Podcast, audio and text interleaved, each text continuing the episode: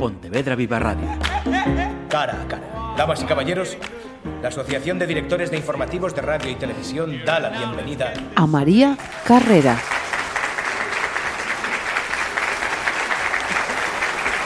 Volvemos a invitar a María Carrera a los micrófonos de Pontevedra Viva Radio. Y esta vez no vamos a charlar con ella en su faceta de actriz, o sí. La cosa es que la hemos llamado como escritora, porque acaba de publicar su primer título para literatura infantil. Antes de seguir, María, ¿qué tal estás? ¿Cómo te pillamos? Pues muy bien. Recién llegada a Madrid del, del Entroido Pontevedrés, muy contenta por la acogida de este año y muy feliz. Y justo cuando llego, el mismo día, pues ya, ya vi, recibí mis, mis, mi cuento, La gallina Pipi. La gallina Pipi. Em, tu debut, podemos decir que es eh, tu debut como escritora. ¿Cuándo, le empezaste a dar vueltas? ¿Cuándo dijiste, venga, em, me, voy a meter también en esto de la escritura? Pues mira, eh, pues en mayo dije yo, bueno, es que realmente la gallina pipi existe. Por eso te iba a decir, lo de una gallina, eso es muy fuerte, pero es así.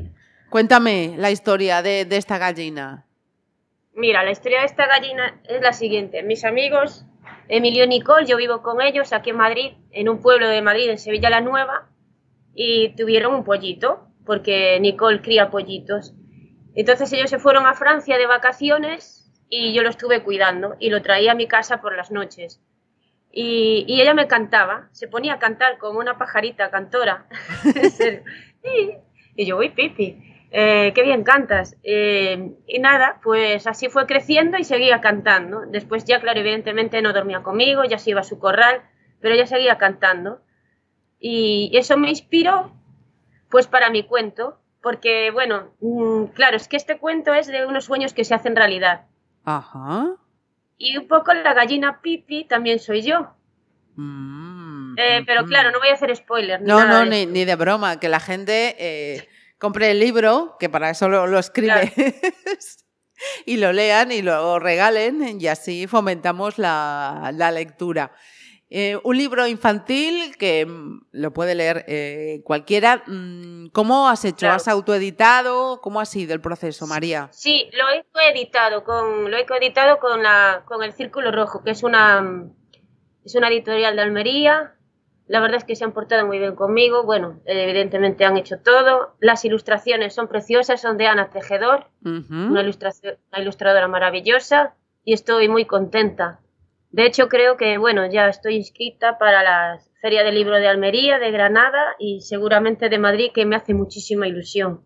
Qué bueno. Porque, sí, porque claro, yo siempre voy a la Feria del Libro de Madrid y para mí es, es algo como, no sé, ¿sabes? Impresionante ir a la feria y pensar que puedo estar yo eh, firmando cuentos de la gallina Pipi este año, pues me hace, bueno, es increíble.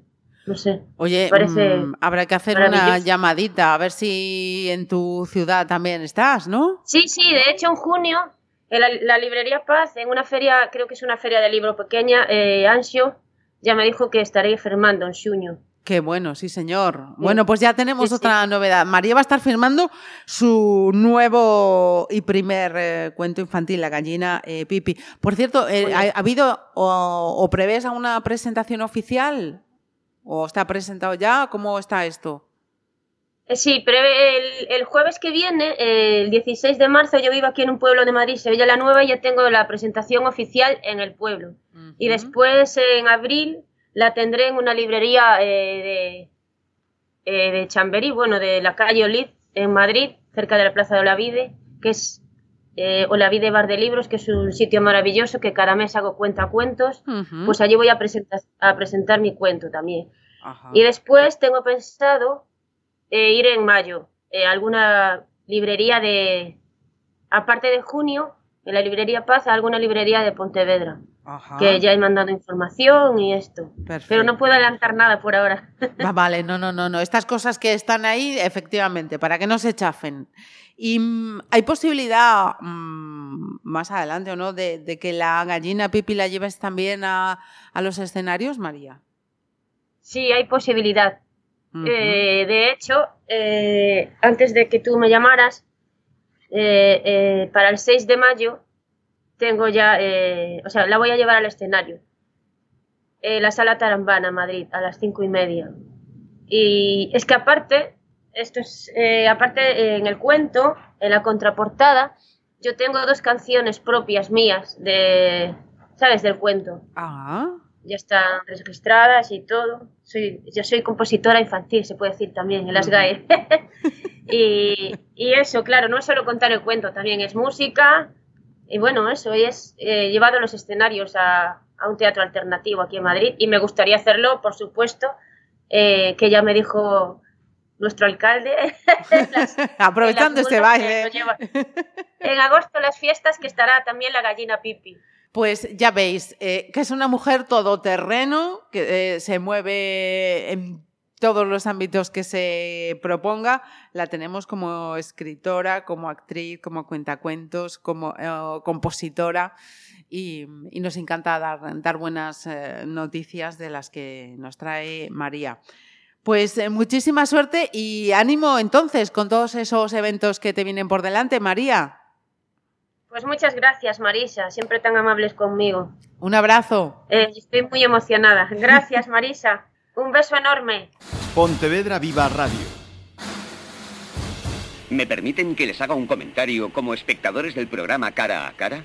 Según un reciente sondeo de mercado, ustedes disponen de estudios e inteligencias superiores a la media. Sus intereses abarcan desde la actualidad mundial y la ciencia hasta el deporte y los espectáculos.